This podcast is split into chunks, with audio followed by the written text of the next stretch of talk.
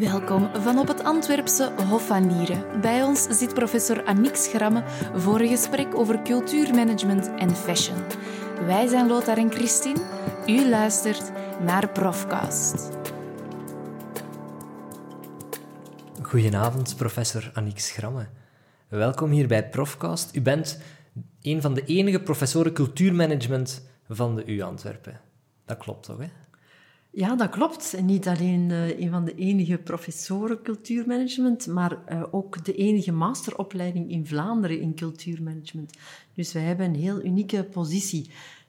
Zelfs de enige in de lage landen die deel uitmaakt van een faculteit economie. Ja, en wat houdt cultuurmanagement juist in? Zowel de master als de discipline? Ja, wij zijn eigenlijk deel van het departement management, dus management studies, studies. Maar we zijn een verdiepende master in een bepaalde sector. Namelijk de sector van de culturele en creatieve sectoren. En uh, ja, wij geloven erin dat je daarvoor eigenlijk een uh, apart programma nodig hebt, omdat die toch een stukje anders functioneren dan andere industriële sectoren. Eh, want de definitie van cultuur is verbreed. Dat gaat niet alleen over theater en de gesubsidieerde sector, eh, de museumsector, eh, maar ook over de creatieve industrieën.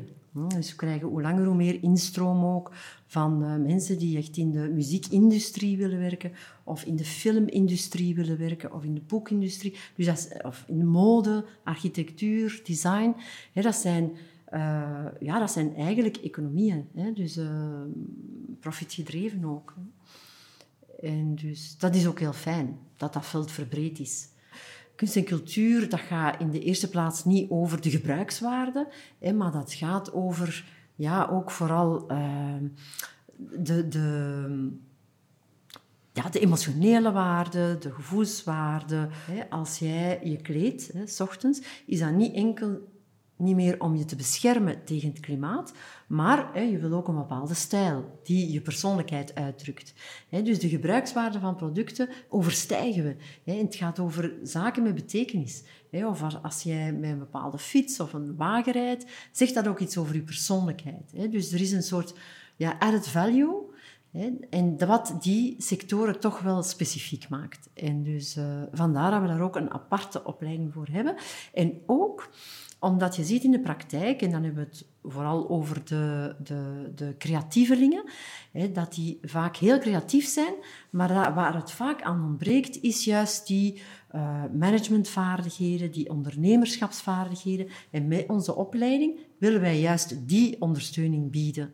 Hè, dus zodanig dat zij ook kunnen groeien als, uh, als kunstenaar, als bedrijf. En dus ja, vandaar. En dat bestond niet. Dat bestond niet tot het eind van de jaren negentig. En dan uh, is uh, Guido de Brabander gestart met zo'n master cultuurmanagement uh, aan onze universiteit. En ondertussen bestaat de opleiding 20 jaar. Ondertussen bestaat de opleiding 20 jaar, ja, ja, ja. Ja, dus 21 jaar nu. Hè. Ehm, en ja, dus wij hebben al een hele weg afgelegd. En in het begin was het echt zo, want zo is de opleiding ontstaan ook. Hè. Uh, Guido vertelde mij dat, dat hij op een uh, terrasje zat, samen met de directeur van de Vooruit in, uh, in Gent, hè, Erik Temmerman. En dat zij aan het brainstormen waren en dat ze zei, ja, we zouden toch iets moeten doen hè, om die cultuursector ook wat meer te professionaliseren. Dus die zakelijke ondersteuning. En zo zijn zij op het idee gekomen, hè, en heeft Guido dat opgepakt, om met zo'n opleiding te starten.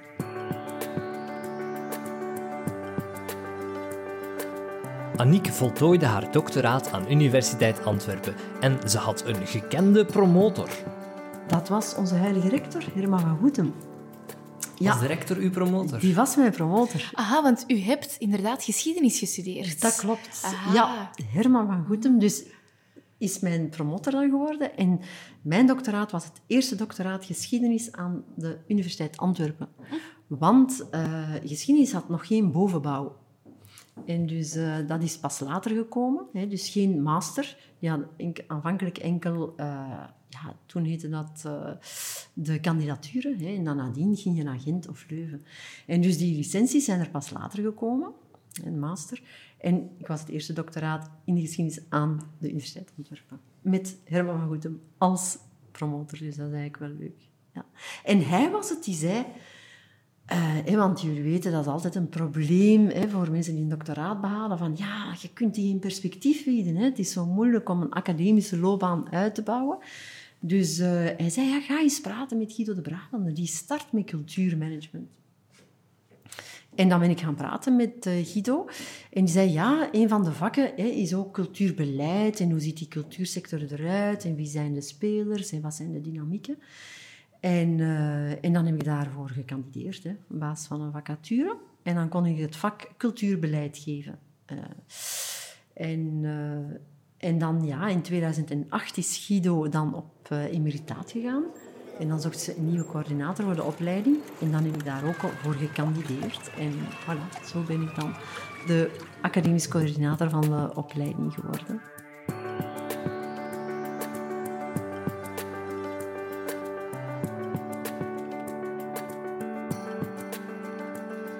Er is ons door collega Nathalie Verboven in het oor gefluisterd dat een van uw stokpaardjes is cultural governance. Ja. Wat is juist cultural governance? Ja, en waarom heel erg sexy. Nee, nee. een stokpaardje. Nee, dat is inderdaad uh, een van de onderzoeksthema's hè, waar we erg mee bezig zijn. Uh, ja, de laatste, sinds 2012 eigenlijk. Um, ja, wat moeten we ons daarbij voorstellen? Dat gaat over governance van, uh, vanuit een organisatieperspectief. Hè? Dus niet vanuit een beleids- of politiek perspectief, maar vanuit organisatieperspectief. En eigenlijk gaat dat over de rol van uh, besturen, raden van bestuur. En breder ook over uh, de relatie met de stakeholders. Hè. En ook hoe dat je de rolverdeling doet binnen je organisatie. Dus ehm, eh, heel veel problemen, managementproblemen, ontstaan omdat dat niet duidelijk is. Dus zeker bij jonge organisaties, uh, culturele organisaties, dat, dat start vaak als vanuit passie. En vaak uh, gaat men dan een vriendenbestuur aanstellen, hè, dus, om in orde te zijn met de VZW-wetgeving. Maar ja, dat wordt niet echt professioneel geleid. Hè. En die organisatie groeit dan, die is succesvol, maar dat blijft wat in het informele en in de vriendenbesturen hangen. En dus het is echt een, een soort sluitstuk van die professionalisering, dat ook die raad van bestuur nadenkt over zijn strategische rol hè, en over de richting die de organisatie wil uitgaan. En dat ze ook zich niet te veel moeien met het management, hè, maar dat ze uh, toch wel, wel uh, strategische reflectie geven, sturing, en een basisprincipe ook van governance is dat er een soort check and balances is in de organisatie. Wie controleert wie? En dus je hebt de algemene vergadering die de raad van bestuur controleert en de raad van bestuur controleert het management. En zo kun je eigenlijk, heb je een gezonde organisatie die ook kan groeien. Dus die rol van de raad van bestuur is wel belangrijk. Ik kan u een voorbeeld geven. Denk bijvoorbeeld aan eh, Let's Go Urban. Dat is nu veel in het nieuws geweest eh, met eh, Siami. Uh, en ja, eigenlijk vraag je je dan af, hè, als je dat hoort op ja, wie is hier verantwoordelijk? Hè? Uh, er is, dat is ook een organisatie die bottom-up is ontstaan met heel veel passie, heel veel ondernemerschap. En toch, op een bepaald moment, ja, escaleert dat en komt er naar boven dat er toch hè, financieel toch wanbeheer is misschien een groot woord, maar dat toch een aantal... Uh, dat het niet transparant was. Hè, en dat er toch een aantal zaken, misschien niet slecht bedoeld, maar toch niet transparant en duidelijk waren hè, hoe dat die middelen besteed zijn. En dat is een verantwoordelijkheid van uw raad van bestuur ook.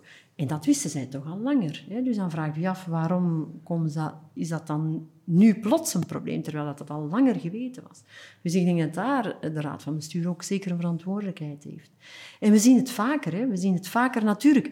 Wat de cultuursector, uh, en dan de gesubsidieerde cultuursector, wel heel eigen maakt, is het Cultuurpact. Ik weet niet of dat jullie dat kennen. Ik denk dat u het nog eens mag toelichten. ja. Dat is eigenlijk een, een, wet die goedgekeurd is in 1973 uh, en ook met een decreet hè, van 74. En dat uh, stipuleert dat uh, culturele organisaties, hè, die een instelling zijn van openbaar nut hè, en die dus ehm, ja, een delegatie krijgen vanuit de overheid, hè, of waar dat de overheid de inrichtende macht is, hè, ook bij musea bijvoorbeeld, of eh, de openbare omroep of bij adviesraden, gemeentelijke adviesraden, dat die samengesteld moeten zijn volgens de, met respect voor de ideologische en filosofische strekkingen. Men heeft dat politiek vertaald. Dus dat de politieke partijen eh, of verhoudingen vertegenwoordigd zijn in die raden van bestuur. En dat maakt besturen in de culturele gesubsidieerde sector wel tot een heel aparte zaak. Ja.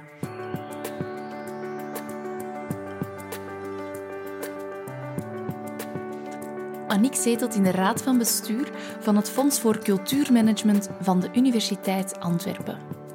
Met het Fonds Cultuurmanagement hebben we een werkgroep opgericht die uh, onder voorzitterschap van Thomas Leijzen, die onze nieuwe sponsor is, die een code heeft voorbereid, een bestuurscode. En zo'n bestuurscode hebben we overhandigd aan de minister van Cultuur. En hij houdt daar echt rekening mee. Hè. Dat gaat ook opgenomen worden in de subsidievoorwaarden. En dus dat zijn eigenlijk een aantal principes, hè, bestuursprincipes, waar, waar culturele organisaties rekening moeten mee houden. Hè, zoals transparantie, uh, een duidelijke rolverdeling, uh, accountability. Hè. Uh, hoe besteed je je middelen, dat het op een goede manier gebeurt. Check and balances. de samenstelling van de raad van bestuur rekening houden met cultuurpact ook, en de relatie met je stakeholders. En wat we ook hoe langer hoe meer zien, is een soort ethische code. Dus uh, organisaties worden hoe langer hoe meer geconfronteerd met ethische vraagstukken. Wat met uh, uh, Black Lives Matters of heel de hashtag MeToo-beweging. Dus dat zijn ook issues waar organisaties de dag van vandaag mee geconfronteerd worden.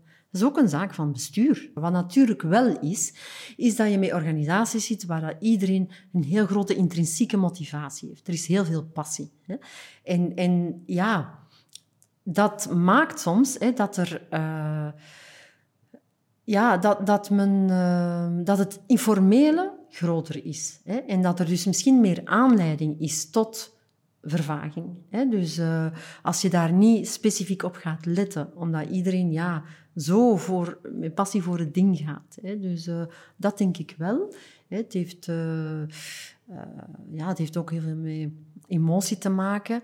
Uh, dus, dus als je kijkt, en ook hè, de rol van de artistieke leider in een organisatie. Hè. Dus uh, we hebben ook de casus gehad van uh, Jan Fabre. En dat is misschien wel het model dat vooral in de jaren tachtig opgang maakt, toch van hè, de artistieke leider als een soort uh, toch wel onaantastbaar iemand die een heel, heel groot gezag heeft, hè, een heel sterk individueel leiderschap, waarom dan hè, een ploeg zich verenigt die uh, volledig gaat voor, hè, maar eigenlijk een heel hiërarchisch model. Hè. En dus... Uh, ja, die, die realiseren dan wel heel mooie dingen, maar daardoor is er soms ook wel te weinig aandacht voor die balans hè, en voor het individueel welzijn van mensen.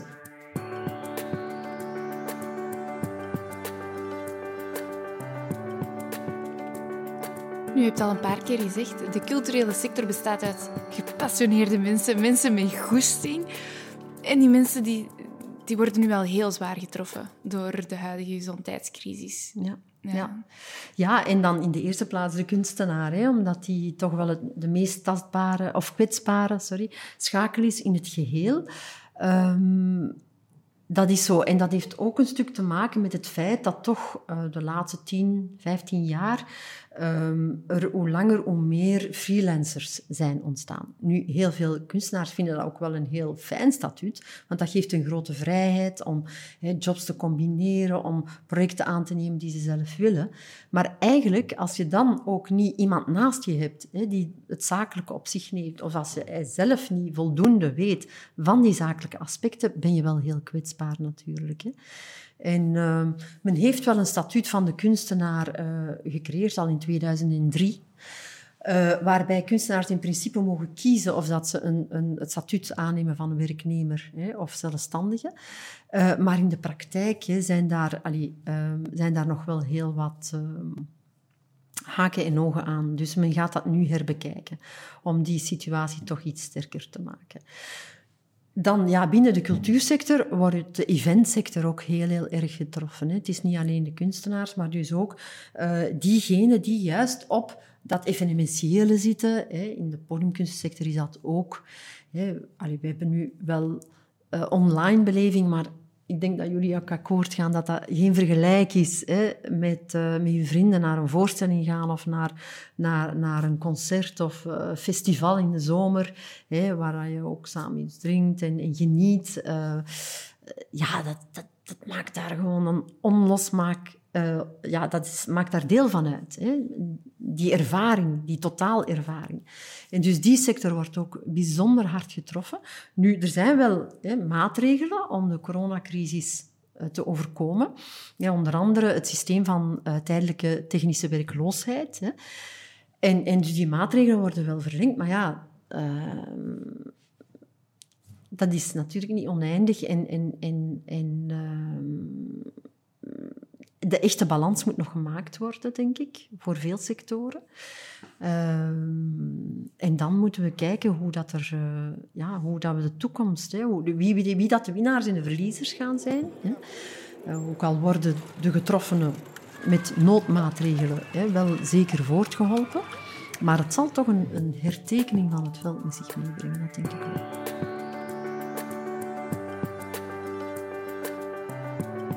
Annick vertelde ons over de cultuursubsidies in Vlaanderen. Ik denk dat er twee grote crisismomenten zijn geweest. Hè. In 2008 met de financiële crisis en nu 2020 met corona. En dat gaan in de geschiedenis ook twee kantelmomenten zijn. En dus na 2008, na de financiële crisis, heb je in heel veel landen dat men bespaard heeft op uh, cultuur, maar ook op andere sectoren, hè, omwille van de financiële crisis. In Nederland bijvoorbeeld heeft men in 2012 Halbe Zijstra, de toenmalige minister van Cultuur, heeft 20% afgenomen van het budget. Hè. 20 tot 25%. Dat was een kaalslag. Uh, in Vlaanderen is dat niet gebeurd, maar heeft men uh, de kaas schaaf toegepast en dus iedere minister heeft een beetje eraf gedaan. Dus en met als gevolg dat dan op den duur ja, het water ook aan de lippen staat. Ja? Toen de nieuwe regering aantrad, en dus uh, minister Jan Bon uh, minister van Cultuur werd, heeft hij dat ook gedaan. En hij heeft ook de projectenpot drooggelegd. En daar is heel veel reactie op gekomen. Omdat projecten, dat is voor innovatieve projecten, dat is voor de individuele kunstenaar. Dus je treft daar eigenlijk echt... Uh, innovatie mee in de individuele kunstenaars. En daar is heel, hard tegen gereageerd. Maar ondertussen heeft de minister dat wel rechtgezet. Dat is dan weer het voordeel van projectsubsidies. Dat kan je onmiddellijk rechtzetten. Het grote vraagteken zal zijn, hoeveel subsidies zullen er nog beschikbaar zijn post-corona? Want uh, we weten allemaal dat de regering grote leningen heeft moeten aangaan en we zullen dat allemaal collectief moeten afbetalen. Maar daarom, hè, om terug te komen op de opleiding, denk ik des te meer nood aan skills, hè, waarbij dat ook gesubsidieerden op zoek gaan naar een ja, gediversifieerde inkomsten. Hè. Uh, niet alleen van subsidies. Hè. Dus we gaan die rol van de overheid moeten herdenken. En de vorige minister van Cultuur was daar al mee begonnen. Hè. Die had een witboek uitgebracht uh, over aanvullende financiering. Dus naast subsidies ook zoeken naar andere financiering.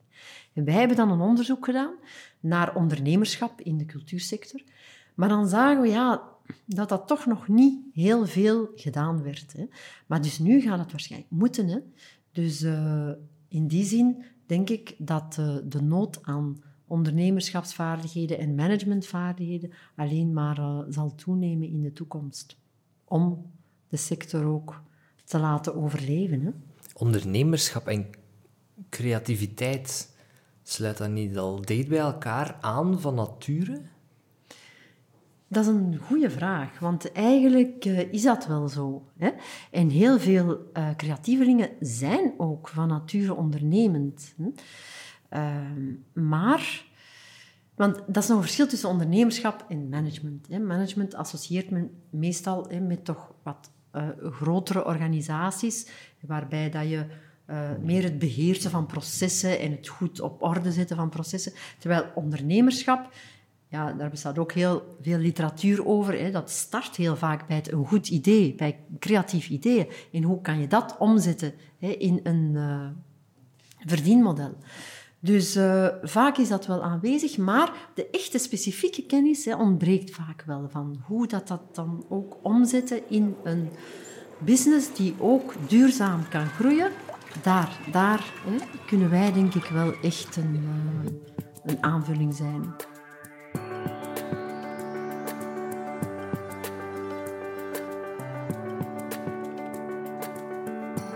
Aniek heeft ook een passie voor fashion en dat is niet toevallig. Antwerpen is fashion. ja, nee, ik zal zeggen, eh, dus binnen onze masteropleiding cultuurmanagement waren er ieder jaar, en hoe langer hoe meer, studenten die specifiek interesse hadden voor mode. En dat is natuurlijk een onderdeel van de creatieve industrie. Maar in vergelijking met andere studenten ehm, kwamen zij echt voor de mode. Je ziet vaak dat studenten die interesse hebben in theater ook wel interesse hebben in film en in musea, maar die van de mode die kwamen echt voor de mode. En uh, ja, ook Guido had met Linda Loppa al eens onderzocht of dat daar geen mogelijkheid zat. En ik dacht, ja, in Antwerpen met de modeacademie dan, we hebben die reputatie, we moeten daar gewoon iets rond doen. En dan dacht ik, laat ons gewoon starten met een summer school. Dan weten we of dat er inderdaad interesse voor is. Of dat Antwerpen die reputatie nog heeft. En ik moet zeggen, dat was eigenlijk meteen een schot in de roos. Dus dat was, een summer school is soms heel goed om ook de markt te testen. Van, uh, ja, is daar eigenlijk wel interesse voor? En dus uh, zo is ook het idee ontstaan om een echte volwaardige master op te richten rond fashion management. En in de management school heeft men al erkenning voor een master in global management. En ik dacht wel, we kunnen dit niet doen voor de Vlaamse markt, want onze markt is te klein. Dus als we het doen, moeten we het internationaal opzetten. En dus vandaar uh, dat het een programma is. We starten in uh, Antwerpen het eerste semester tweede semester gaan ze naar Milaan. En het derde semester naar een niet-Europees land, naar emerging country, hè, dus een uh, emerging market.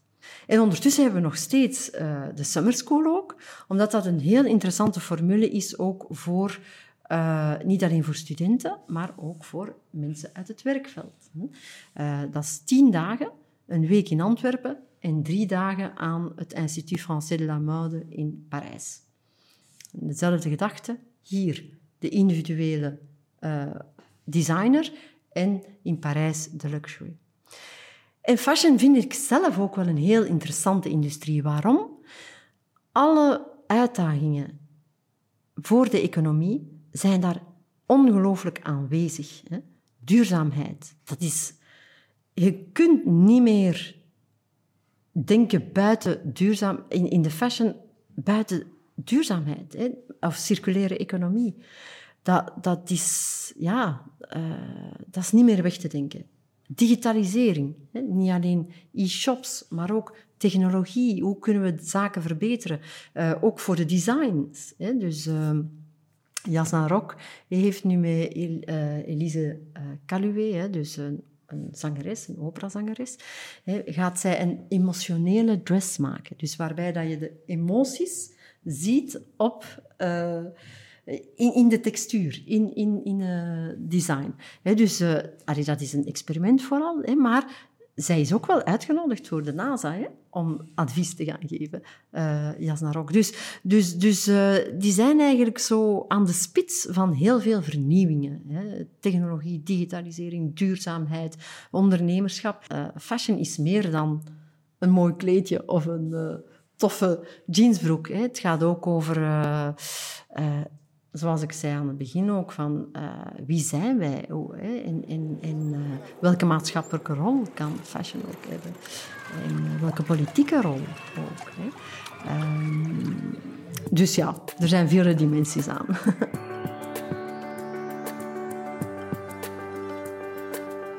Al van kleins af aan is Aniek gefascineerd door cultuur. Zo zong ze in verschillende koren tot ze daarmee uit tijdsgebrek moest ophouden.